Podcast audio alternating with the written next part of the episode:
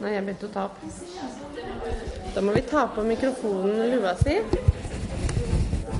Sånn. Den tar fortsatt opp. Bra. Nå har mikrofonen fått lue på, og den har sånn fin garnfot. Så reserveopptak. Ja. Hva sier vi da? Hei, Oslo strikkefestival! Så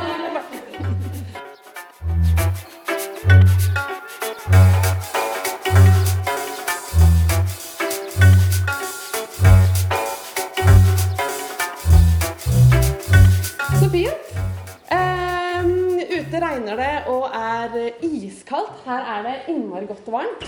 Eh, og alle har på seg så mye ull ehm, at de er ekstra varme. Vi er i Colletgården på um, hva heter det, Norsk Folkemuseum, og det er Oslo strikkefestival søndag. Har du hatt en fin festival så langt? Åh, jeg har hatt det helt fantastisk.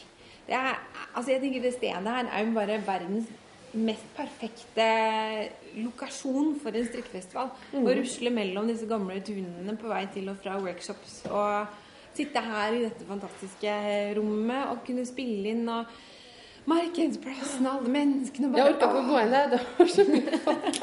Jo, men det er en annen ting som er helt fantastisk med å være her, at selv om det er eh, noen tusen mennesker på festivalen, som føles det, bortsett fra inne på Markedsplassen, så føles det ikke så ekstremt trangt, liksom. Fordi det er masse bygninger, og, og folk er litt spredt, da. Ja. Og så helt utrolig fine omgivelser å spille inn i. Vi pleier å sitte pjåta inn i bilen min eller under et bord hjemme hos deg og sånn. Eh, så dette er jo en liksom staselig avveksling da, med lyskron og sånn. Ja, Ja. ja. Eh, temaet for denne episoden, hva er det? Kanskje alle kan gjette? Ja. Temaet er blått. Vi skal snakke om fargen blå. Um, og jeg stritter egentlig og nistrikker på det jeg skulle ha på meg i dag. Mens vi spiller inn. Jeg feller av nå, så hvis vi er riktig heldige, kan jeg skifte i løpet av innspillinga. Hvis ikke, så får det bare være en annen blå aksessoar, da. Eh, Dette er festivalfjong. Skjørtet som ble lansert under Bergen strikkefestival, i, eh, som var for to uker siden. Vi var der også. I det garnet som heter eh, Museumstvinn, som er Bergen eh, Trikotasjemuseums eget garn. Så det blir skjørt kanskje i løpet av denne timen. Eh, Jeg var oppe klokka halv sju i dag og strikka og tenkte at det skal bli ferdig, det skal bli ferdig. Jeg strikka til midnatt i går, eh, men det gikk ikke. Man må spise og sånt også. Det er det som er problemet. Veldig klønete at man ikke klarer å gjøre begge deler samtidig.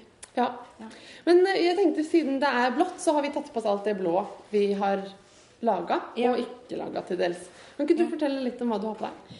Jeg har også laga skjørt til anledningen. Det Det er var veldig fint. Ja, jeg fant et bilde på um, Pinterest, og så tenkte jeg Ha! Sånn kjøtt vil jeg også ha. Og så Ja, vi måtte ha blå plagg på oss i dag. Så tenkte jeg ok, jeg skal strikke blått skjørt. Så det eh, gjorde jeg etter Bergens strikkefestival. Og um, det er oppskrift jeg har laga sjøl, så jeg er veldig fornøyd med det, da. Den er veldig fin, for den er sånn, den er stripete. Jeg må si, for vi spiller i Ja, nå, vet du. Det er ikke bare live-publikum. Eh, Og så har den sånn eh, Altså den er striper i, ikke i farger, men i struktur. Sånn at den går, har vertikale linjer av rettmasker. Ribbestrikk kaller vi det. Ja, men det blir liksom ikke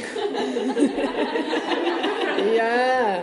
Men det jeg skulle si, var at de linjene som skapes, de er liksom eh, tilpassa din form, da. Sånn at i siden er de eh, Blir det sånne Kiler. Kiler. Ja. Ja. Du kan tydeligvis ordene, så du kan. Ja, det er jo ikke jeg som er lingvist her, liksom. Nei da. Ja, men det, nei, det var veldig gøy. Og det er veldig gøy å mm, jobbe med liksom, formgivning. Til, eh, fordi at vi i kroppen ikke er firkanta eller rett eller noe. Mm. Og så har jeg på meg den blå jakken min som vi snakket om på kurset som vi holdt i går. For da holdt vi en workshop som het Ikke gjør som Som mora di sier. eh, 'Hvordan følge, ikke følge oppskrifter og Ja. bryte regler'. Ja. For Det var veldig, veldig koselig. Ja, det var veldig koselig. Eh, dette her er jo da, som alle selvfølgelig kan se, en eh, knæsjkardigan fra Pils. Som jeg da har eh, gjort veldig mye med, så det kanskje ikke helt ligner lenger. Og den, den, den ligger ute på Instagram for dere som hører på. Det er eh, Den ligner ikke i det hele tatt. Nei. Petrolblå eh, i bunnen, og så er det noen sånne korallrosa detaljer. Epauletter, Ja. rett og slett. Jeg tenkte fiskefinner da jeg lagde dem, men så ser jeg etterpå at det ser litt mer ut som sånn militærjakke, kanskje. Um, Men fint. ja. Men det, man må ha litt gøy, da. Mhm. Ja, det tenkte jeg. Og så har jeg strikka en short også, da. Som jeg egentlig tenkte jeg skulle ha på meg, men så ble den litt grønnere enn blå, på en måte. Ja, nettopp. Ja. Men du hadde tenkt deg på shorts og skjørt? Nei, det, jeg Shortsen på hodet? Nei. Nei, jeg hadde tenkt å ha shortsen på først, og så så strikka jeg skjørtet etterpå. Jeg skjønner. Ja. Jeg har liksom prøvd eh, Jeg har prøvd, men jeg har ikke lykkes da helt. Jeg skulle ha på meg festivalfjongskjørtet, eh, men det ble ikke ferdig. Og da var jeg sånn Men jeg var farger håret blått til Oslo strikkefestival, så det skulle jeg gjøre i går kveld. Det er bare at jeg har litt samme innfallsvinkel til å farge håret som jeg har til strikking og det meste andre i livet. Det er litt sånn Ja, fort og gærent, vi tar det vi har, og setter i gang. Sånn at jeg hadde ikke blå farge, men jeg hadde lilla og grønn. Og jeg har blanda det før og fått veldig fin blå, men det ble mørke lilla, som dere kan se. Men jeg syns det er en ganske fin lilla farge. Og så fem minutter før jeg skulle gå hjemmefra i morgen, så tenkte jeg at jeg skulle Men vi vi har jo sånn spray, sånn blå Vi har blå og rosa spray som pleier å ta på barna, da, for det syns de er gøy. Eh, Så tenkte jeg skulle bare kompensere litt med litt sånn blå striper i det. Eh, Og den er sånn. Se på fingrene mine. Hvis jeg gjør sånn, så blir liksom fingrene blå. Sånn at eh, jeg endte med at liksom to sekunder egentlig før jeg måtte ut døra for å rekke å hente deg på T-banen, så hadde jeg ikke så veldig blått hår, men ganske blå hud i hele ansiktet. Så hvis jeg ser litt sånn sykelig ut, så er det bare fordi jeg ikke har liksom fått skrubba bort alt sammen. Em, for jeg sto liksom og såpa inn ansiktet, Uh, og nå tror jeg ikke jeg skal ta så mye på meg selv lenger. Uh, så derfor blå lue på toppen isteden. Uh, det- men det er litt varmt, så jeg lurer på om jeg må legge den til side litt nå. Uh, Men jeg har, jeg har heldigvis litt sjal og sånt fra før. Og en lintopp i Karin Øberg som er i petrol og mørkeblå. Som vi også har snakka om før. Og det sjalet her, det er strikka i Nina Petrina sitt Blueface Lester-garn I fargen som hun kaller petrol. Og vi hadde egentlig fått Nina til å bli med oss i dag. Hun skulle være med her og farge med oss. Nå, liksom. Men så kunne hun ikke, fordi hun har workshop akkurat samtidig som oss. Så da tenkte vi ja, men eh, kanskje vi klarer det selv. ja. For vi var som sagt da på Bergen strikkefestival forrige uke. Og da eh, var jeg etterpå på omvisning på Hillesvåg ullvarefabrikk. Det var helt fantastisk. Og jeg er så misunnelig. Altså, det var, altså, det var virkelig så fantastisk. Bare en, en sånn eksempel på hva som er fantastisk med Hillesvåg. Det er en gammel fabrikk. ikke sant? Da den ble bygd, så ble alle materialene til å bygge fabrikken rodd over fjorden av lokale bønder. Og så ble nesten alle maskinene de har i ullvarefabrikken, bygget inne i lokalene. Også av lokale folk. Så det er ikke sånn at det, å, denne maskinen er ødelagt, da bestiller vi en ny del fra Tyskland. Det er sånn, Da må vi ta en stålbit og banke til, for det var det som ble gjort den gangen. Og hvis noe er utslitt, så må du lage en ny. Åh, jeg blir så glad. Det er så fint. Eh, Men i hvert fall, eh, Øyvind Myhr, som driver uh, Ullvarefabrikken, er veldig hyggelig fyr. Viste meg rundt, og så endte han med å gi meg dette. Gi oss dette, for vi skal dele det. Det er 100 gram eh, vilje, og det er det nye lammullsgarnet til Hillesvåg. De har det foreløpig bare i hvitt. Så da sitter vi her med et hvitt hespe. Og blått tema. Ja. Så da er det jo bare én ting å gjøre. Vi må farge. Vi må farge blått. Så vi tenkte vi skulle gjøre det nå. Vi har aldri farga før. Du har aldri farga før, du heller? Nei, jeg tenker du kan si som Pippi. Det har jeg aldri gjort før, så det går sikkert kjempebra. Ja, fint. Og Nina Petrina har gitt oss instrukser. Så vi tenkte at vi skulle gjøre sånn som vi pleier å gjøre med instrukser. Ja. Forholde oss litt sånn eh, delvis til det. Ja. Så hun har sagt kok opp fem til ti liter vann. Ja. Vi har tre. ja. Vil du trykke på knappen? Jeg skal trykke på knappen. Så har hun sagt eh, ha en gryte. Jeg har en gryte. Ja. Så har jeg en stekespade, og den har jeg spikka sjæl. ja. Men Har du, har du spikka den sjøl? Ja, spikka den sjøl. Vi var på skitur med familien. Jeg hadde med meg tollekniv og en vedpinne, og så lagde jeg en spek stekespade. Og nå skal du farge den selv også. Nå skal jeg farge den. ja. Jeg tenkte at den kunne stå på gulvet ved deg der, Ja. foran deg. Det blir litt sånn klirr i opptaket. Det tenker jeg er effektfullt. Ja. Og så har Nina Petrina sagt eh, Jeg ikke helt, og jeg, jeg skulle selvfølgelig sjekka det, men nå tar jeg opp med telefonen. Ja. Apropos det, skulle vi Ja, tatt skal og dette på Instagram? vi tar opp dette her og sender. Ja. Eh, Men hun har i hvert fall sagt to til tre spiseskjeer sitronsyre. Så jeg har kjøpt sitronsyre. Oi. Nå prøver vi ikke å få det utover gulvet. Si fra når vi er på, da skal jeg forklare. Ja. Tre, to, én Nå sender vi direkte, Marte. Hva driver du med? Jeg prøver å lukte om sitronsyre lukter sitron. Eh, det gjorde ikke det. Vi skal farge dette blått. Vi har aldri farga garn før. Vi har fått instrukser. Er ikke så gode til å følge instrukser, så vi gjør sånn cirka. Vi koker vann, vi har sitronsyre, vi har blå farge. Vi har en stekespade til å røre rundt med. Jeg har spikka den sjøl. gå! Ja. Uh, vi har ikke, kan ikke noen få noen som Er det noen som kan holde den? ja. Fantastisk. Takk. Så har vi blåfarge. Blå farge. Vi skal ha to til tre spiseskjeer av dette. Ja. Oi. Da tenker jeg at vi gjør sånn. Én. Men vi hadde To. jo det var to til tre spiseskjeer til fem til ti liter vann. Ta litt ut, da. Det holder helt sikkert. Ja, det er, det er, det er sikkert kjempefint. Bra. Det er- veldig gøy å se om dette blir ser blått. Det blir, ja, det blir bra, det. Det fint ut. Sånn. Sitronsyre. Fås på din lokale dagligvarebutikk. Eh, Hva heter denne, denne fargen? Capri Blue. Ja. Ja. Den er blå. Kakas, det er egentlig matfarge. Ja. Altså det er konditorfarge.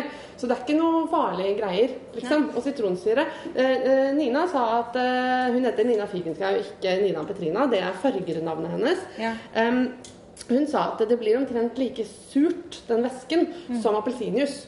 Så det er ikke noe stress liksom, å helle det ut i vasken etterpå. Det står her at det, eh, det er fargestoff som kan ha ugunstig virkning på barns aktivitet og konsentrasjonsevne. Så vi får prøve å ikke inhalere. Jeg har ikke tenkt at barna mine skal spise det garnet. Men at du sier fra. Ja. Hvis du eh, setter den ned på gulvet Ja. For jeg har ikke så lyst til å helle varmtvann i fanget ditt. Det setter jeg pris på. Ja. Nå ehm, Skal vi ta i fargen først, eller vannet først? Jeg tenker, Det der er jo som pulver, sikkert løse opp det. Og så tror jeg dette her er eh, Oi, Hva? flytende. Ja, Ja. kjør. Det var, det var ikke en sånn Oi. Nei, det er sånn her er det oh, ja, her er det blått. Det var én liter. Ikke så mye ut. Jeg kan dra på en til mer på kjøkkenet hvis det skjærer seg. Jeg tror det går Dette er ca. to liter. Masse mer enn nok. Ja da, herregud. det. Ja, ja, ja. Det blir kjempefint. Det kan jo ikke være så nøye. Vi må røre, har jeg lært. hørt. Skal vi røre nå? Nei, ja, litt Nei, du, det ser veldig oppløst og fint ut. Det gjør jo det. Jeg rører litt, ja. Opp, opp, øh, opplyst og oppløst. Um, man skal røre eh, underveis i fargingen, for da blir det Ellers så blir det skjolde. Ja. Farge først eller garn først? Litt Garn først. Ja, men det, vi vil ikke ha altfor skjolde. Da blir det speckled, liksom. ja. Ikke i dag. Nei vel. Du kan legge det oppi. Og så må vi ha farge oppi. Yes! Kan jeg få, kan jeg få Du farge? Du kan få ta i farge. Det er kjempegøy. Rød litt. Kommer det noe? Nei. Du, husk, hvor mye var det det stod? En spiseskje? Nei, Nei ikke spiseskje. Herregud, hun sa en teskje. Det, Ja, det er mye mer enn det må teskje. vel ha, Men- Er det her mer enn en teskje? Nei, det er mye mindre. Jeg tenker at det, det er bedre med litt for mye enn litt for lite. Det høres logisk ut. Det er nok alt garnet godt en gang. Jeg tror det er derfor man skal ha 50 liter. Vi skulle kanskje blanda det oppi først. Ja, men det, var lurt. ja, men Men nå må du slutte å helle mer og mer på ett sted. Jeg tror at det der med skjoldete, det tror jeg det blir. Den er tapt. Ja, men oi, det ser veldig blått ut. Nå skal vi, vi tenkte at vi skulle la dette ligge og kose seg litt. Oi, men du, jeg ødelegger hester litt, jeg. Ja. Nei da, det er bundet sammen. Det vi har tenkt til, er at i slutten av innspillinga så tar vi opp dette, så ser vi hvordan det blir. det ser ut som det blir lyseblått. Ja. Nå tror jeg det er ganske mye mer. Nå tror jeg det Nå tror jeg du kan ta på lokket. Vannet er i hvert fall veldig blått. Ja. Å, det er pent. Ja, det er kjempepent. Men vet du hva jeg har tatt med? En papirtull. Vet du, du, vet du man, vet, man merker at du har barn At du har små barn? Hvis noen trenger å pusse nesa, så bare si det. Takk. Jeg var nemlig nede og tissa før vi begynte. Og Ja. da tenkte jeg, vet du hva, jeg spødde for at vi kommer til å trenge litt vann. Nei, litt papir Ja. når vi holder på med vann. Og jeg så også at vi har søl her borte. En liten søl. Ja. ja. Men dette blir bra, Marte. Nå, hva gjør vi nå? Nå skal vi snakke om blått, mens det der ligger og blir blått. Ja. Og så når vi er ferdig med å snakke om blått, så, så innimellom så kan du røre litt. Ok. Ok? Dødskul farge. Er tenker jeg sånn at vi kan slå av liveopptaket, og så kan vi live igjen på Ja, når vi tar det opp. Ja. det. Mm. Sant? Flott. Skal Da ta den jeg armen her. Selv en blå arm. Ha det! Hvordan avslutter man Der. Ja. Fin innspilling. Du, du kan sette på lokket. Ja. Sånn. Flott. Bra! Det var også eh, Vilje. Lammull. Snart blått. Forhåpentligvis. Åh, Ja. Lammullgarnet har forresten en storesøster. Vilje er det tynneste. Og det tykkeste heter Sol. Og det er veldig, veldig mykt og fint. Jeg har Jeg, jeg tror at dette ganske definitivt kommer til å bli blått, for nå er jeg også Ja, spørsmålet er om du tør å strikke nå. Ja. Dette her ser ut som det har satt seg ordentlig. Så det, det går kjempebra. Kjempebra. Ja. Jeg, syns synes det, det, er, gøy å være garnfargen. Neste år holder vi workshop i garnfarging. Ja! Ta oppi sånn en dash med det og en dash med det. Rør litt. Å, nå fikk Oi, vi våtservietter fra publikum. Det var fint. Akkurat. Perfekt. Det er flere, flere her som har sånne mammainstinkter. Ja, men Marte, blått. Blått. Hvorfor blått, liksom? Ja, hvorfor blått? For vi skulle jo finne Vi kunne jo valgt en annen farge, men blått er um, Det er fordi jeg elsker alt det blå. Vi er glad i blått, begge to. Men bortsett fra at jeg var litt sånn her har jeg, Strikker jeg mye blått? Og jeg har ikke strikka veldig mye blått. Jeg strikker fryktelig mye rosa. Det sitter kjempegodt, dette her. Ja. Ja. Da blir det nok blått garn, da. Ja. Det er fint. Altså, det er jo sånn at i kulturen da, så har eh, farger betydning. eh, symbolsk betydning, som vi kaller det når det, symbolikken ligger utover det fargen ligner på. Altså at eh, blå er den fargen vi ser himmelen som i fint vær, og den fargen vi ser havet som når det reflekterer den himmelen. Det er eh, åpenbart, i lingvistikken kaller vi det ikonisk representasjon. Når, eh, når den eh, tegnet har en eh, ikonisk eh, forbindelse til referenten. Men eh, symbol, det er de som har en arbitrær, altså tilfeldig forbindelse til det de eh, viser til, til det de representerer. Sånn som at eh, bokstaven A i, i Norge representerer lyden A.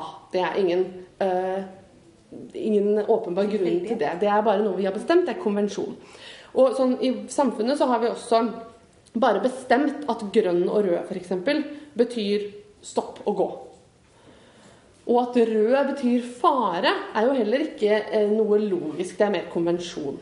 Um, og blå brukes ikke på den måten, i hvert fall ikke i, i, i trafikkbildet. Eller det gjør det på en måte. Det er blålys på ambulanser og sånn. Og derfor er det ingen andre eh, blinkende blå lys. Fordi vi skal vite når ambulansen kommer. ikke sant? Um, at ikke det er veiarbeid, f.eks. Um, og antageligvis er, er ikke blått valgt i trafikklys fordi det er så nært grønn. Så hvis eh, blå hadde betydd eh, stopp, f.eks., så kunne det blitt forvirrende, da. Um, og så er det også sånn at blå og grønn er De er jo naboer i fargesirkelen. Og de er veldig i slekt. Det er ikke alle språk uh, som skiller mellom blå og grønn. Gammel egyptisk ord, uh, wajet, viser til både blå og grønn. Og det er ikke bare det språket, det er tilfellet på veldig mange språk. Um, walisisk har et ord uh, som jeg ikke vet om uttales sånn, men som skrives glas. Og det kan vise til både eh, fargen på havet, og fargen på gresset, og fargen på sølv. Som er interessant. Men samtidig litt forståelig, fordi sølv og blå er jo veldig i slekt på en eller annen måte. Eller jeg syns det. Er du enig? Ja. Um, og turkis er jo uh, midt mellom blå og grønn, på en måte. Jeg og min svigermor vi er alltid uenige om ting er blått eller grønt. Hun mener at det er grønt, og jeg mener det er blått. F.eks. den jakka her, singelingelang, som er strikka i telespinn, den kaller hun for eh, den grønne jakka til Marte. Og den er blå i min verden. Ok, vi kan ta en kjapp håndtrekning. Hvor mange mener at denne er Martes grønne jakke? Det er mange. Er det noen som mener at den er blå? Omtrent Jeg vil si 90-10 var fordelingen der. Den er i hvert fall blå. Marte er Men liksom, de den er blå. Den er jo blå. Den er jo Fargen heter petrol. Ja. Det er regnjakka mi. Den er blå. Den er blå. Den er, jeg blir usikker her nå. Men også den er jo masse grønt i den òg, men den er jo blå. Men det er mye mer blått i denne her enn det er i de eh, plaggene du har. Ok, da. Men dette, dette her er veldig fascinerende, og det handler jo om hvordan øynene våre ser farge. Og det handler egentlig rett og slett om hva farge er. Mhm. Og det er um, eller, rett og slett ikke så enkelt, for som du sier, så har vi jo disse ordene som er akkurat som bokstaven A, at vi bare har bestemt oss for at blå er det som de fleste jevnt over oppfatter som den samme fargen. Men ordet blå har jo ingen sammenheng med hva vi ser. Eh, og det vi ser, det er jo rett og slett lys Ja. i forskjellige eh, frekvenser. Og lys, det er bølger. Radiobølger er en slags form for lys med veldig lange bølgelengder. Og så har du infrarødt lys, f.eks., og du har ultrafiolett lys, og du har eh, gammastråler. Ultrafiolett er det som kommer fra sola, som gjør at vi blir solbrente, f.eks. UV-stråler. Eh, og lysspekteret som vi ser, det er bare Hvis dere ser for dere en sånn eh, stripe, og så ser dere med bølger, lange bølger, så har dere radiobølger som en sånn ja, 10, ja 30% på den ene siden, og så har du gammastråler som 20% på den andre siden, og så har du alt annet imellom. Så er kanskje det spektrumet vi kan se av farger, eller det lyset som øynene våre oppfatter, bare liksom sånn 0, jeg vet nå skal jeg ikke si bestemt tall, for det kan, kan jeg ikke, men 0,5 eller noe av alle disse lysstrålene som vi kan måle. Da. Og det er det vi oppfatter som farger. Og da er det sånn at blå har kortest bølgelengder, og mellomlange bølgelengder er gule og grønnfarger. Og da går det fra fiolett, blått, grønt, gult, oransje, rødt. Og det er altså rødt og oransje de med lengst bølgelengder der. Og i øynene våre så har vi Så kommer lyset inn gjennom eh, det derre glassaktige. Er det det som heter hornhinnen? Ja, hornhinnen og alt det andre der. Og så treffer det tappene som er på baksiden av øyet vårt. Det er fargereseptorer, liksom? Ja. Og da har vi tre forskjellige typer som oppfatter rødt lys og blått lys og gult lys. Og så er det sammensetning i blandingen som blir da alle de andre fargene i, eh, som vi kan se.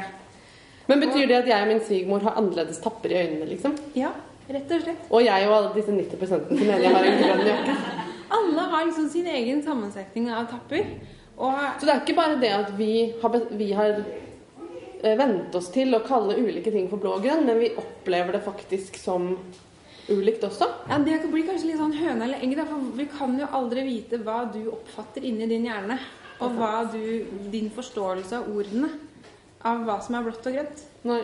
Så det blir, da må man prøve å diskutere seg fram, da. Ehm, men, og det er jo sånn at de fleste tappene vi har, omtrent to tredjedeler av dem, er de som tar imot lange bølgelengder. Altså rødt og oransje lys mot gult. Så det er det vi ser lettest, på en måte, eller oppfatter lettest. Og så har vi også noe som jeg ikke helt vet hva som heter, som oppfatter forskjell i lys og mørke. Som det også er mange av, som er en helt annen greie igjen. Staver, ja. Mhm.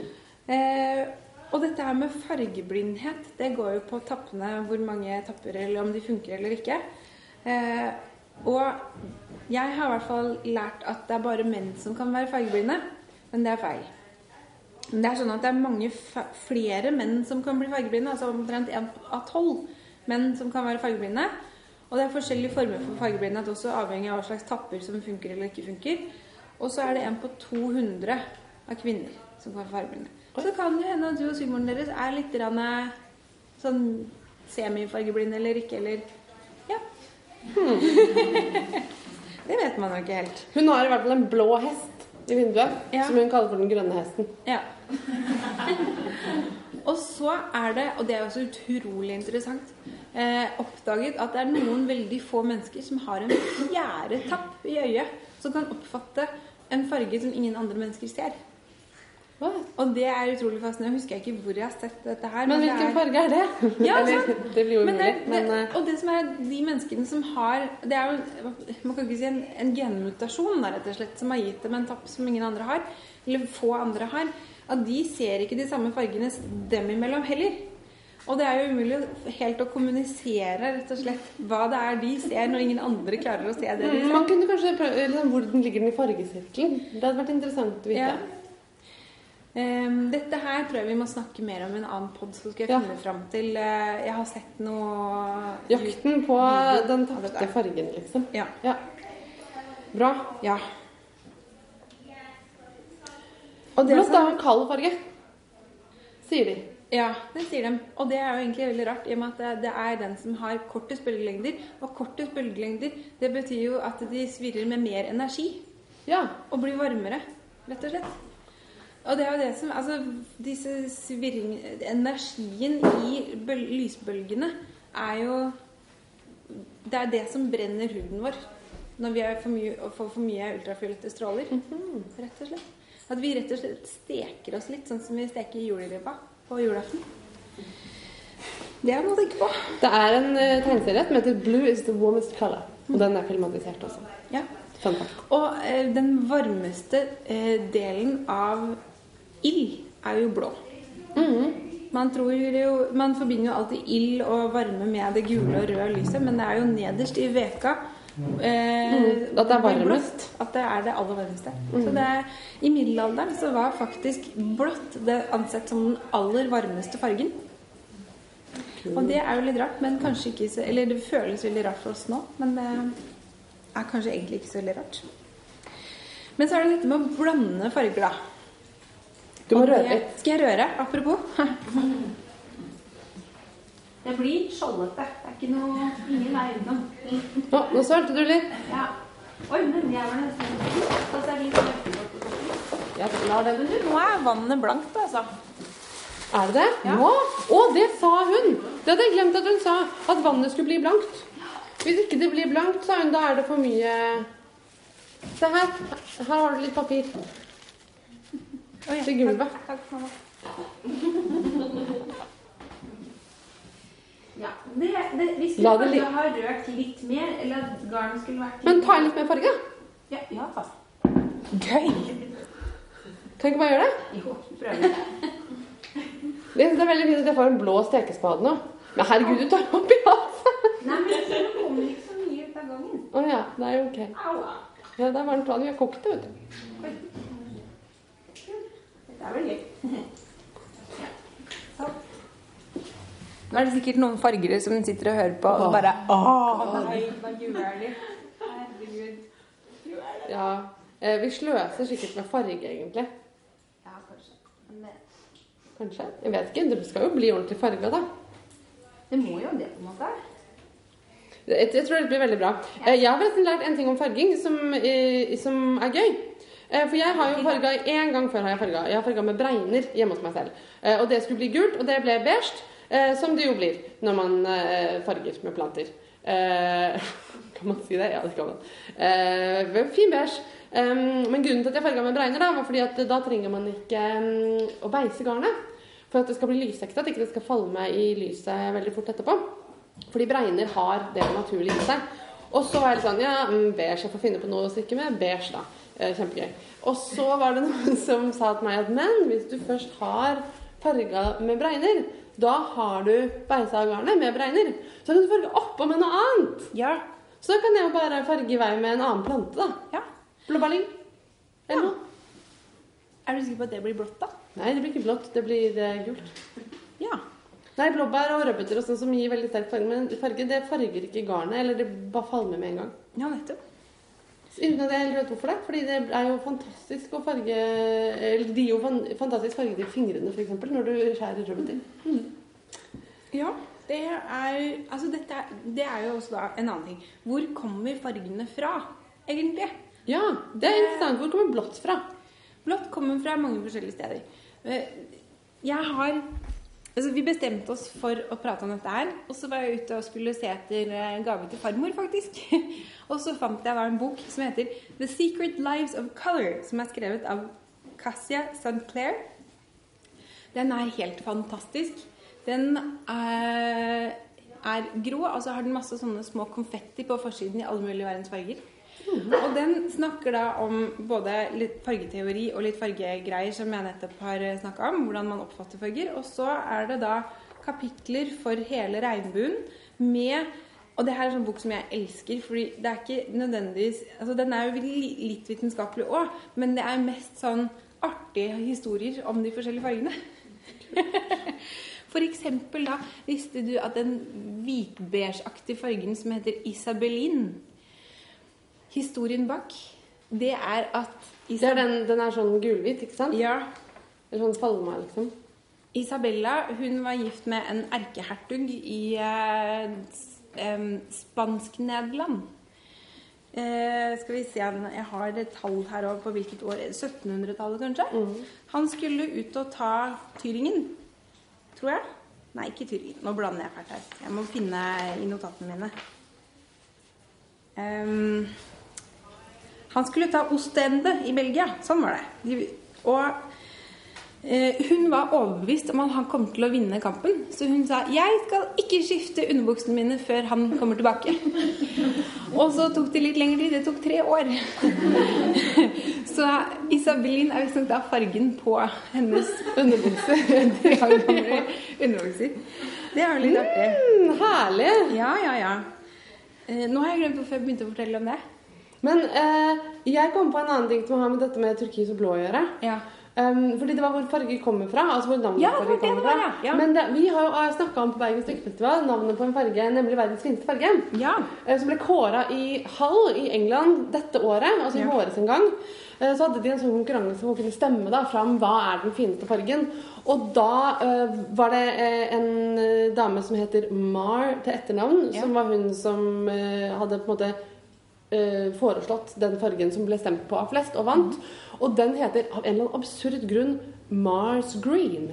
For den burde jo hete Mars Blue. Det ser jeg jo. ja. Um, men Mars Green er i hvert fall verdens fineste farge, visstnok. Og den er litt sånn, er den ikke det? Den er en sånn mørk turkisblå. Blå. ja.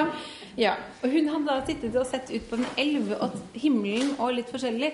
Og eh, sett på alle disse nyansene av grå, grått skum som virvlet. Og så mente hun at den ene fargen her fargen fanger opp alle de forskjellige nyansene. At det er litt sånn grålig, blå, grønn Mm, og vi hadde jo også en avstemning en gang på podden om hva som er folks favorittfarge. Og da vant også eh, blå og grønn var liksom helt eh, jevne, var det ikke det? Og petrol var det mange som, ekstra mange som hadde Ja. liksom framheva som favoritt. da. Mm. Så det er tydelig at det er en farge som liksom ringer i folk. Og sånn i fargesymbolsk, hvis man liksom leser om hva fargene symboliserer, så symboliserer ofte blått eh, ro, fred og glede av den rolige typen. Ikke sånn woohoo-hippie-glede, men sånn eh, langsom lykke. Mm. Men også tristhet og eh, depresjon. Eh, og vi har jo blues, f.eks. Bluesmusikk har fått navnet blues fordi at det er mollstemt, melankolsk musikk eh, med ganske mye eh, melankoli og sinne i tekstene også. Det er jo en afroamerikansk musikksjanger som har historisk utgangspunkt i sekulære sanger. Og en vanlig oppfatning er at bluesmusikken er trist fordi at den handler om eh, undertrykkingen av eh, afrikanske folk at de har en del å være opprørt over. Da. Eh, Men eh, opphavet til at blue betyr trist, er faktisk noe annet enn det. Det er nemlig eh, kommer fra et engelsk uttrykk fra 1700-tallet. The Blue Devils. Som viser til den følelsen man har det er under symptom på alcohol withdrawal. Altså dagen derpå. Det ble forkorta til The Blues på norsk. Blåmandag. Eller altså skikkelig sånn dagen derpå fylla, det er uh, utgangspunktet for å ha the blues. Og så er det når, når man blir kald eller død Altså blodet trekker seg Man blir kald når man blir død etter ja, hvert. ja, det er nettopp det, var det jeg skulle fram til. Så blir, man, blir jo huden blålig. Fordi at Ja. den fargen vi har, den er jo blodet som skinner gjennom hudlagene. ikke sant? Og du sier at det kommer fra den blåfargen man, eller blåfølelsen man kan få når man eh, har hatt en litt hard natt eller dag dagen før. Eh, jeg tenker at eh, ja, jeg skjønner det. Og jeg tenker at da blir man kanskje litt blå og skjelven, og, og man ser litt blålig ut, kanskje. Eh, men det ligger jo også lenger tilbake i tid. At allerede i middelalderen så var blått knyttet til sø- sorg. Eh, og er en sørgefarge, og er fortsatt det flere steder i verden i dag. Og Jomfru Maria ble gjerne malt med blå kleder på seg i den, det motivet som i kunsthistorien kalles pietà. At hun sitter der med sin døde sønn i armene. Og fra middelalderen og framover så sto jo katolisismen utrolig sterkt i Europa. Og jomfru Maria har, har vært en av de viktigste skikkelsene. Som da ofte blir avbildet i mørk, eller blå eller mørkeblå plagg. Og Det er sant når du sier det. Ja. At man tenker på Maria har på seg noe blått. ja, Ja, men da jeg skulle kle ut bikkja mi som jomfru Maria til julespillet, så valgte jeg en blå, et blått sjal. ja. Ja. Og jeg, nobiliteten jo tok jo da etter disse fargene og verdiene man så, at man knyttet sammen katolisismen eller kristendommens verdigrunnlag og alt det Maria sto for, med de fargene man assosierte med henne. Og tok da gjerne blå som sin farge i våpenskjold og i plaggene sine. Og så i tillegg henger det da sammen med hvordan man farger blått og blåpigmentet i malerier. Den gjeveste fargen som man da gjerne brukte for å male eh, plaggene til Maria, var ultramarin.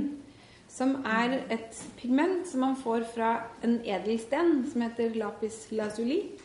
Som betyr på latin 'den blå stenen'. Og fram ja, i mange mange hundre år, fra middelalderen fram til eh, 1500-1600-tallet, så kom det fra én spesiell gruve i Afghanistan.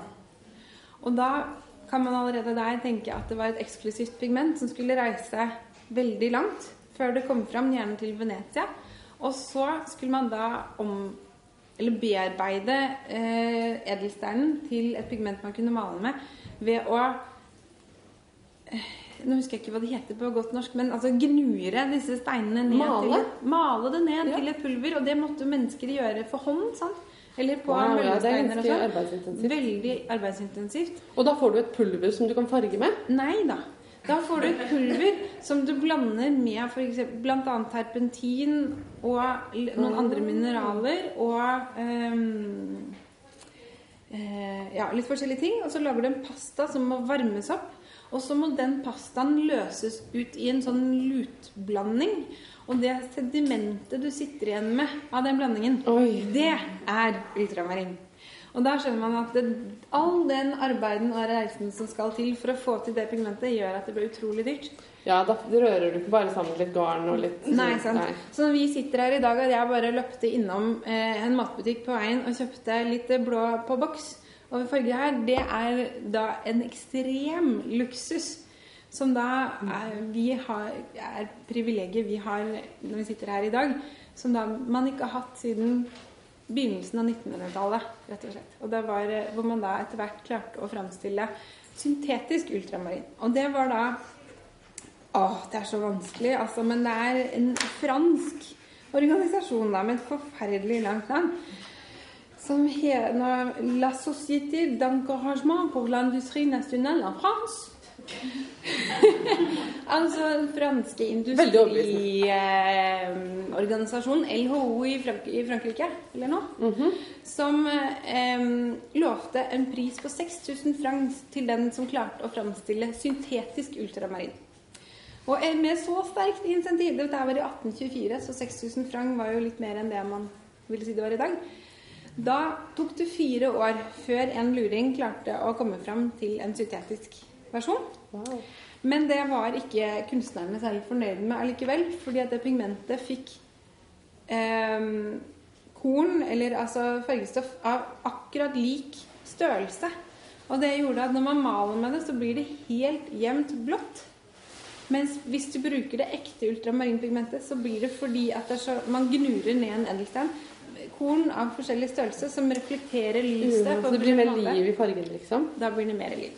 Mm. Og fortsatt i dag, da, så er ultramarin ekte ultramarin ansett som måte, den egentlig virkelige beste blåfargen. Eh, selv om man da også etter Yves Klein, som er en kjent kunstner, eh, på 60-tallet brukte et helt år sammen med en kjemiker for å komme fram til et sånn harpiksmedium som man kunne bruke og feste syntetiske blå pigmenter i, som gjør at det reflekterer lyset nesten helt likt som ekte ultramarin. Kult. Og så er det jo ofte sånn man, eh, Når man snakker om farging og sånn, så er det jo ganske, en ganske vanlig sånn utgangsoppfatning at liksom plantefarger, det er fint, for ja. det er så miljøvennlig og stas og sånn.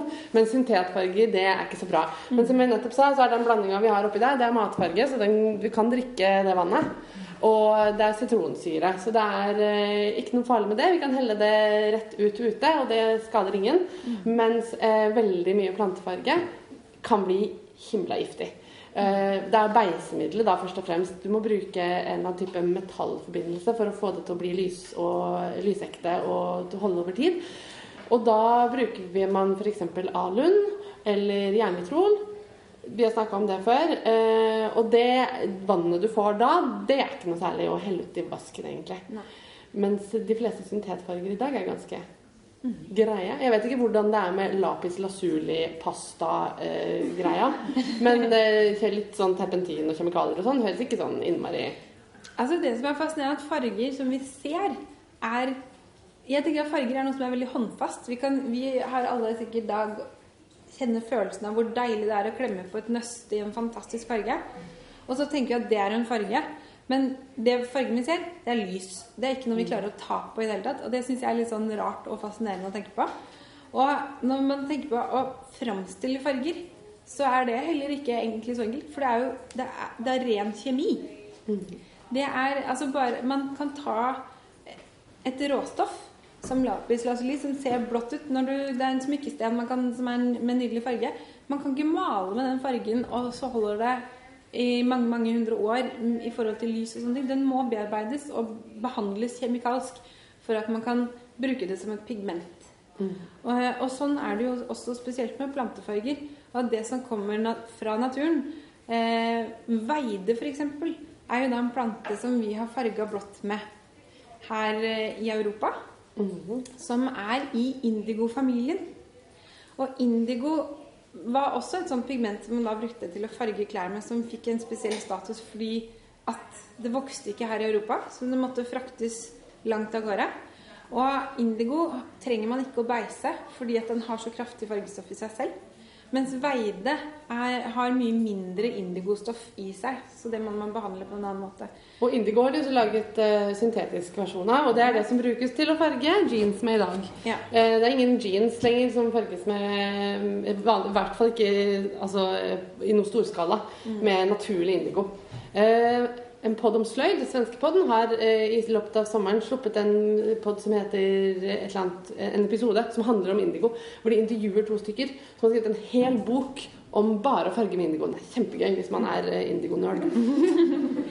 og hvorfor vi maser om ultramarin og indigo, det er fordi at det er to blåfarger som er eh, ekte blå. De har ikke veldig mye i seg av alle de andre fargene. Det, få, det er lett å få til andre eh, nyanser, blågrønn eller fiolett, av andre planter som er mer tilgjengelige, kanskje. Hvis man putter litt mye rosa i miksen, så blir det sånn. Ja. eh, så disse Kunne man framstille indigo, kunne man framstille ultramarin, så ble man rik tidligere i tider. Og det var også da gjerne rike mennesker som kunne male eller få bilder malt med disse fargene, eller ha på seg fargeplagg av indigo. Og de som da kunne dyrke veide, spesielt i Europa, da, de fikk også rike samfunn. For man tjente mye penger på det. Og det var spesielt da Alsace-traktene, Normandie og Tyringen eh, i Europa. Veide har vel ikke vokst naturlig i Skandinavia, men har blitt innført og dyrka, og nå fins den enkelte steder. eh, både i Sverige og Norge. Og det som også er veldig interessant, er at blått var veldig populært eh, som klesfarge fordi at det var en av de fargene som det ikke var lover om hvem som kunne bruke dem mot eller for. Og det er altså en annen ting med farger som er veldig fascinerende. I tidligere tider så hadde man en lov at i, i Kina f.eks. at eh, kun keiserfamilien fikk lov til å bruke gul. Eller den ene spesielle gulfargen. Så var du ikke keiser, sorry, gul er ikke for deg. Eller i Japan at purpur var også forbeholdt eh, spesielle grupper mennesker.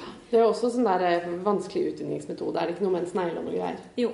Man må enten drepe eller ikke drepe snegler, eller halvveis drepe, eller Drepe, nesten Ja, det er litt forskjellig. Ok. Ja, og eh, er avhengig av hvor mye du liker å torturere. Men de blir de, ja, Ja, utrydda Ja. nesten disse sneglene da, på veien. Ehm, så selv om veide var lov å bruke, så var det ikke så lett å få tak i. fordi at veide det skal også gjennom en lang prosess. Man må blod, mose veldig mange blader til en pasta. Og så formes det til kuler som skal måte, lagres eller modnes eller fermenteres i ti uker. Og da mister de ni tideler av størrelsen sin. Og så blander man det med vann, og så skal det fermentere i enda to uker til i dette vannet. Og så tilsetter man aske, og så skal det kose seg og fermentere enda litt mer. Og dette her begynner på et tidspunkt å lukte ja, i, veldig deilig. Og så kan man da til slutt farge med det. Men det er jo enda en ingrediens som du har glemt å nevne. ja, og det er jeg er ikke helt sikker på hvordan den kommer inn her, men i middelalderen, eh, gjerne her oppe i Vikingland, så skulle man da helst bruke morgenurin fra menn for å løse ut pigmentet fra denne fermenteringssuppa. Ja. Som, eh, Og det er, man kan liksom lage sånn eh, fermenteringsbad til farge på tiss. ja. Um, ja, hvis man vil det. Det er jo mye go godsaker som vokser i dette her hvis man lar det ligge en stund. Eh, så dette her med å framstille farge, det var noe som var veldig komplisert og tok mye tid. Og i veidesammenheng så krevde det veldig mye friskt vann, og man fikk veldig mye avfallsvann som man gjerne da slapp rett ut igjen med alle disse bakteriene og kjemiske forbindelsene i. Og indigofarging for eksempel, har jo vært et kjempeproblem f.eks. i India. Ja. Fordi at eh, man har eh, sluppet ut vann og forgifta drikkevann. ja. Og fått blå hunder som det? bader i vannet. Oi. Ja. Det høres liksom gøy og grusomt ut på en gang. Ja, det er utrolig fascinerende. Min første tanke er liksom Og sånn her, uff da. Ja. Nå skal vi kanskje Jeg har så mye å si om dette her. Ja. Det kan holde På et eller annet tidspunkt må vi putte en propp i munnen til Marte. Ja. Og jeg, jeg er også veldig glad i blått. Jeg syns det er ekstra gøy å, å finne ut av det her. Men eh, det som er kjempegøy også med veide, må bare legge til det der, for jeg avslutter, at det er et sånn sopphevmende stoff i planten som jeg Altså Jeg har lest at veide har Når man farger plagg med veide, så holder stoffene lenger. Så det ble også brukt for å gi varighet til plaggene som man hadde. Og jeg tenker kanskje det har med den sopphemmende funksjonen å gjøre, at man eh, får styrke i plagget. Og at man gjerne farget over eller under med veide for eh, at plaggene og fargene skulle vare lenger. Det er litt fascinerende. Ja, det er artig. Eh, og dette med nyanser, da. Litt tilbake til lys igjen. Det handler altså om hvordan man blander farger. Og om man oppfatter at noe er blått eller grønt. Det handler altså om Å gud, jeg har ikke snakka om det engang. Fargeblanding. Det er jo så gøy. Jeg var hos en kunstner på kunstkurs da jeg var barn. Og hun sa det at man må blande, når du skal lage et bilde, så må du, når du blander fargene dine, blande litt av hver farge, eller én farge i alle de andre, for at det skal få samme familien. Oh, ja. Og veldig, veldig kort, da. Når man blander sammen farger Det man gjør, er at objektene man ser på, absorberer alle fargestrålene, bortsett fra Altså, denne jakka her er egentlig alt annet enn. Ja, for det vi ser er jo det som blir slenget tilbake. Ja. Og det er derfor hvitt er jo den, de materialene Alle som absorberer alle fargene, ser vi som hvite. Fordi Ja. da er det eneste lyset som reflekteres tilbake, er det hvite lyset. Ja. Og dette her er jo da Newton, sir Isaac Newton, som i 1666 eh, tok et prisme og fikk hvitt lys gjennom, og så ser man fa- eh, regnbuen. Det har sikkert alle gjort når man var barn. Ja, og alle har sett det på, på, på, på den uh, CD, altså platecoveret. Ja. Uh, til Nei, gud, nå fikk jeg helt uh, Pink Floyd! ja. Sant? Pink Ja. Floyd regnbueprisme. ja. Ja. Så når du da tar en prisme og bryter opp i alle fargene, og hvis du setter en prisme inn der igjen, så får du en hvit strålende ut på den andre enden. Mm. At den samler fargene. Um, så der fikk man teoriene om hvordan lys og farger henger sammen. Og så når man da blander farger til et maleri eller til garn, for den saks skyld, så gjør man Altså det er subtraktiv eh, fargedeling når man deler opp lyset. Men det vi da gjør når vi blander sammen additiv Nei, omvendt. Sorry. Subtraktiv eh, Det vil si at man trekker fra flere flere, flere fargestråler. Og til slutt så sitter du igjen med svart eller brunt, eller gjerne brunt, da. Mens eh. Det er derfor jeg sier til barna mine skylle penselen Ja. mellom hver farge. Ikke ta alle fargene, da blir alle tegningene deres brune. Ja.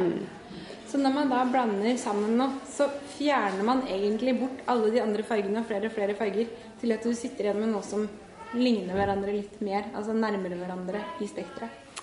Vi er såpass nært på dens avslutning nå at jeg tror vi for en gang for alle kan slå fast at dette skjørtet ble ikke ferdig. Eh, Det er halvavfelt, så eh, vi får komme tilbake til, eh, til hvordan det ser ut ved en senere anledning. Dessverre. Vi eh, eh, nærmer oss det, det punktet i programmet hvor vi skal eh, ta opp garnet og se på det, men vi gjør det helt til slutt. Ja. Før det så uh, har vi lyst til å, å, å bare igjen si at vi er på Oslo strikkefestival, og glede oss litt til hva mer vi skal gjøre, og hva vi har opplevd. Ja. Uh, kan jeg begynne? Ja. Noe av det gøyeste uh, som Og det har jeg med blått å gjøre, siden blått representerer også tristesse og depresjon. Og mange sier at strikking er fantastisk terapi, og at man blir rolig av det, og at man strikker seg gjennom vanskelige tider. og Sånn, gjør du det? Ja, det kommer an på. Ja. Ja. Jeg vil gjerne se for meg at Hvis det går skikkelig skikkelig dårlig, at man blir helt apatisk og ikke kreativ. Ja. Jeg kan f.eks. ikke strikke i flerfargestrikk hvis jeg ikke har fått tre kopper kaffe, god søvn og masse mat først. Ja, Og ha på deg ekstremt behagelige klær, og ingenting er irriterende. Ja. Ja. ja. Sånn. Jeg, jeg vet, Marte. Nei, jeg, jeg tenker liksom eh, En av de fine tingene var på eh, fredag eh, kveld så var det en debatt i, på Deichmanske som het uh, Craft and Feminism. Og der ble det sagt sånn Og strikking, alle burde strikke, for strikking gjør oss rolige. Og så var det en dame i panelet som sa nei, vet du hva? Jeg blir ikke rolig av å strikke. Jeg kan bli sint. Til og med. Ja. Og, i hvert fall, og jeg kjente meg sånn igjen, fordi altså, er det noe jeg blir, så er det liksom intense. Og sånn Må bli ferdig? Eller liksom Dette er kjempegøy! Men ikke, så, ikke veldig rolig og avbalansert, da. Det er mye følelser når jeg strikker. Eh, det, men det kan jo være på godt og vondt. At man kan strikke seg veldig glad eh, eller veldig sint. Eh, og så er det en fantastisk eh, Gromit i Wallace and Gromit. Strikker alltid. Og eh, hvis du skrur på tekstingen for hørselshemmede, så står det 'knits angrily'. Og det synes jeg er fint. How can you knit angrily? Det er veldig fint. For du vet hvordan det er, ikke sant? Jeg skal gjøre det nå. Det er sånn.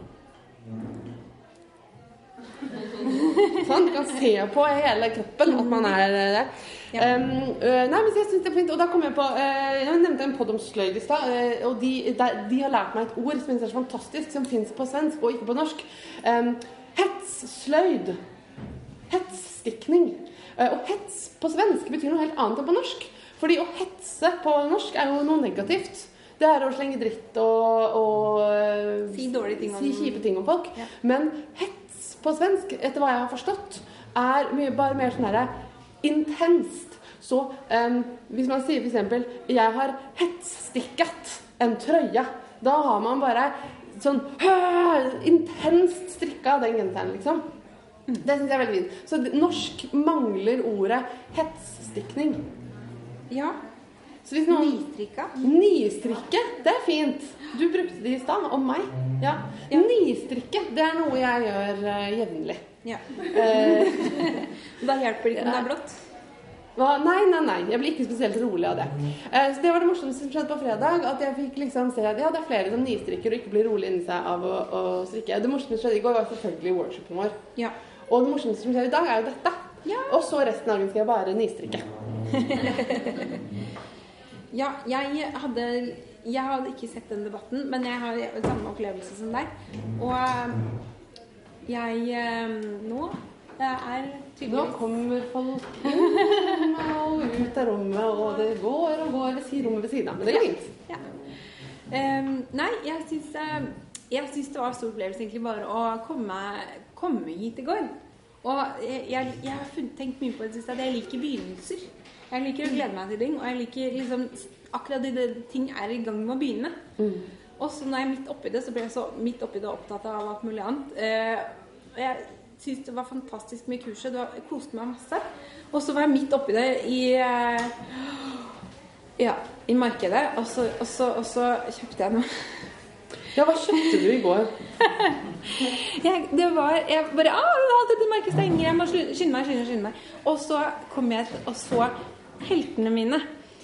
Kit Couture fra Danmark, som jeg har fulgt med på Instagram. Og jeg bare Det var jeg, en crazy intarsia som du eh, selvfølgelig jeg kommer til å bli så sint. Jeg kommer jeg, åh. Jeg, jeg, jeg røyker på en sånn skikkelig smell, for at det hang i stativene med fine gensere. Bare, ok, jeg må velge, jeg må kjøpe den, jeg klarer ikke å la være. Alt er flerfargestrikk og håpløse ting. Men jeg må bare. Og så kjøpte jeg liksom den kanskje verste Intarsia jeg har prøvd før. Det blir ikke fint, og jeg blir så hissig. Men det her må bare gå, for Det det blir masse penger. Så det, er, ja, det blir spennende. Det er litt blått inn. Ja. Ja. Og mye grafiske mønstre og striper av ulike bredder og ja. Ja, ja, ja. Eh, Masse kos. ja. Det kommer til å passe helt fint inn i din eh, rolig avmålte garderobe. Ja. Ja. Og så så jeg på nettet i går. Jeg tenkte nå må jeg benytte sjansen, så jeg har eh, Jeg skal prøve å la være, men jeg kan ikke love at jeg kanskje må tilbake. At kanskje det blir en ny omgang i dag. Oi, ja, men Da kanskje jeg blir med deg i håp om at det er litt færre mennesker enn i går. Ja. For i går var det litt sånn at man ikke kunne Altså at man måtte gå ut for å skifte mening, for det var ikke mulig å synes av det. Før vi sier takk for oss og sjekker hvor blått garnet har gått, Ja. så har vi noe å gi bort. Ja! Gøy! Ja. Vi, I fjor nemlig så var jeg ute i markedet eh, og så snakket med forskjellige der. Og så sa de ja, trenger dere noen giveaways eller noe? Så ja, ja, ja, vi trenger det. Det tok litt tid. Det var da altså fantastiske Malsen og mor eh, Anne Birte på Instagram og Monica Hopland som vi fikk det av. Mhm. Men det er litt forskjellige leverandører. Vi har noe fra Hillesvåg, eh, og disse Vi kan ta de opp, da. Ja. Og, og disse prosjektposene er fra eh, Det, vi har altså satt sammen eh, tre goodiebags eh, som er eh, gjenbruk av stoff. Utrolig kule prosjektposer. Denne har jeg så lyst på selv at jeg nesten tar den. Ja. Men jeg gjør det ikke helt. Men den har et hespe fra meg oppi. Og det er et sølje pelsullgarn, som er mitt nye favorittgarn etter at jeg strikka barnejakka i den, som ble ferdig. Som jeg snakka om på workshop i går. Ja. Um, og den uh, har også med en liten sånn maskeholder. Ja. I en Og et stoppegarn. konjakkfarge. Har ikke alle stoppegarn? Alle har Fordi alle må stappe, stopp, stappe strømpene sine. Stoppe, stoppe dem, i hvert fall. Ja. Så det, det er den. Og så har vi en eh, svart og hvit en. Og den har også pelsull, grå og oppskrift på pulsvarmere. ja. Og stoppegarn. Grått stoppegarn i den, da. Fordi det er, det er en viss sånn fargefamiliegreie her. Og det siste har eh, også stoppegarn. Burgunderrødt stoppegarn. Og så har det Pickles Pure Wolf. Det er for meg. Mm, fine garnet. Ja. Eh, og så utrolig fine prosjektposer. Og så er de litt sånn, fordi de er i sånn gammelt retrostoff, så er de litt sånn mer stabile enn de lerretsposene jeg pleier å bruke. Og vi har rett og slett tenkt å gi det til tre av dere. Og for å finne ut hvem av dere som skal få det, så må vi jo ha en konkurranse. Ja. Så da gjør vi sånn som vi gjør, da. Vi gir liksom eh, eh, vi gir ting til folk som liksom har hørt mye på oss og kan svare på spørsmål om oss, for vi liker å snakke om oss sjøl. Yeah. Så jeg, jeg har tre spørsmål. Og da er det sånn at Hvis man vet svaret, så må man reise seg opp. Så her gjelder det å liksom skyve stolen litt tilbake, så man kan sprette opp. For det er den vi ser først, da. ja. Som min. Å, jeg jeg ble nervøs Ja. på alles vegne. Okay. Det går bra. Jeg, Er dere klare? Yes. jeg åpner med et spørsmål eh, Jeg åpner med et spørsmål om meg. Og jeg syns selv det er et innmari vanskelig spørsmål. Jeg tenker at hvis noen Du skal ikke hoppe da, Marte. Nei, jeg skal Ok. Hvis, men jeg må stå så jeg ser om noen hopper. Ja, ja. Hvis noen kan det, da tenker jeg at det er liksom nesten litt sånn vemmelig, for da vet de litt for mye om meg. Hvor, jeg har sagt det liksom live ja, før, altså. Ja. Ja. Jeg strikka en genser for noen år siden som heter Fallow. Som er laga av Maria Magnusson, som har sånn Argyle-mønster på. Jeg strikka den i rød PT2. Spørsmålet er hvor mange plagg og vil, hva slags plagg, men hvor mange eh, i utgangspunktet, eh, hadde jeg nok restegarn til å strikke etterpå? Kristin! Kristin? Tre stykk short sjalgenser. Da er det mulig å begynne å gjette, altså. Tror det var to norske hva det var. Ja, men det er greit. Det er To, du kan gjette hva det var, da. Tror det var to gensere. Nei, det var én genser og. Ok. Sjalet Kristin var en annen rødnyanse, men også PT2. Og jeg glemte jo å si hvilken vi begynte med, men vi begynte med den. Fordi Ja. at det var min favoritt, og så kan du få dele ut din favoritt. Ja. Vær så god!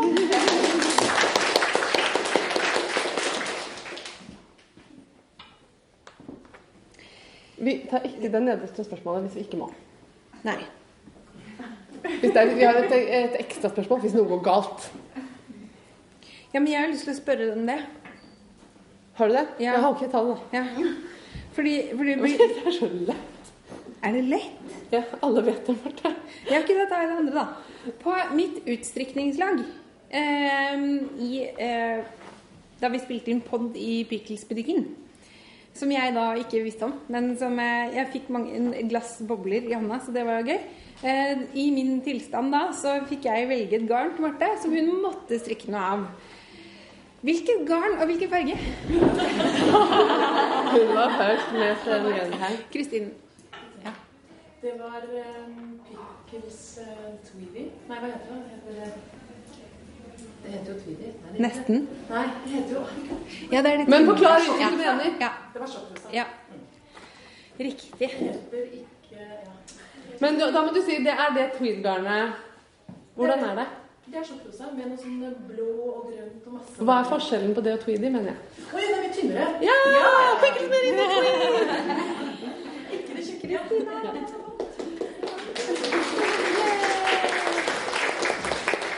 Men Ja, ta det, da. er den? Ja. du, da, kan, da må vi dele på den. Så du Ja. får dele ut den, og jeg får stille spørsmålet. Ja. Hvem av oss har strikka en bukse? Oi, det var to på likt! Det er nettopp det. Um, Da tar vi den som kontrollspørsmål, da. men da er det bare på de to. Ja. Hvilken farge er det jeg alltid drømmer om å strikke, men aldri får til? Ja. Grått. Ja. Og hvem har strikka bukse? Beklager. Det var så innmari lik følelse. Nå er vi ved veis ende. Nå må vi ta og liveinnspille at hva slags farge dette Ja, barnet har det må vi gjøre. Hvilken farge? Hva slags farge tror vi at jeg har fått? Kan du være kamerakvinne igjen? Og så må vi si ha det og sånn etterpå, så ikke gå med en gang. Eller dere skal kanskje på workshop, da får dere lov til å gå. Ja. Um, Ha det! så kan du med vårt fantastiske vaklepublikum. Ja, publikum. Nå har vi hatt, eh, nå har vi hatt uh, show her. eh, Show og show. Vi har sittet her og spilt inn podkast i en times tid. Og nå skal vi ta opp garnet og se om det har blitt blått. Så da kan du gi kameraet fra deg. Ja. Og så tenker jeg at hvis, hvis jeg holder, klarer du å liksom løfte opp litt Jeg garn. bruker den der, der jeg. Vi er på Norsk Folkemuseum, så vi får ikke lov å søle for mye. sa hun som heter. Hva kan vi lære her? Det, er litt, det er litt hvitt på undersiden. Vi skulle snudd det. Ja, men jeg, jeg dytta, det var derfor jeg putta oppi mer farge etterpå. Så nå har vi noen sånne skikkelig knallblå inni der, og så Men- litt hvitt der. Og så klarer vi å vise til baksiden, for den er veldig fin. Ja. Og så brenner jeg fingeren. ja. Der var det nesten midt der, og så er det skikkelig mørkeblått på andre sida. blir ble dødsbra. Da. Ja, det heter Effektgarn. så da sier vi sånn Ha det, Oslo Sikkerhetsvakt!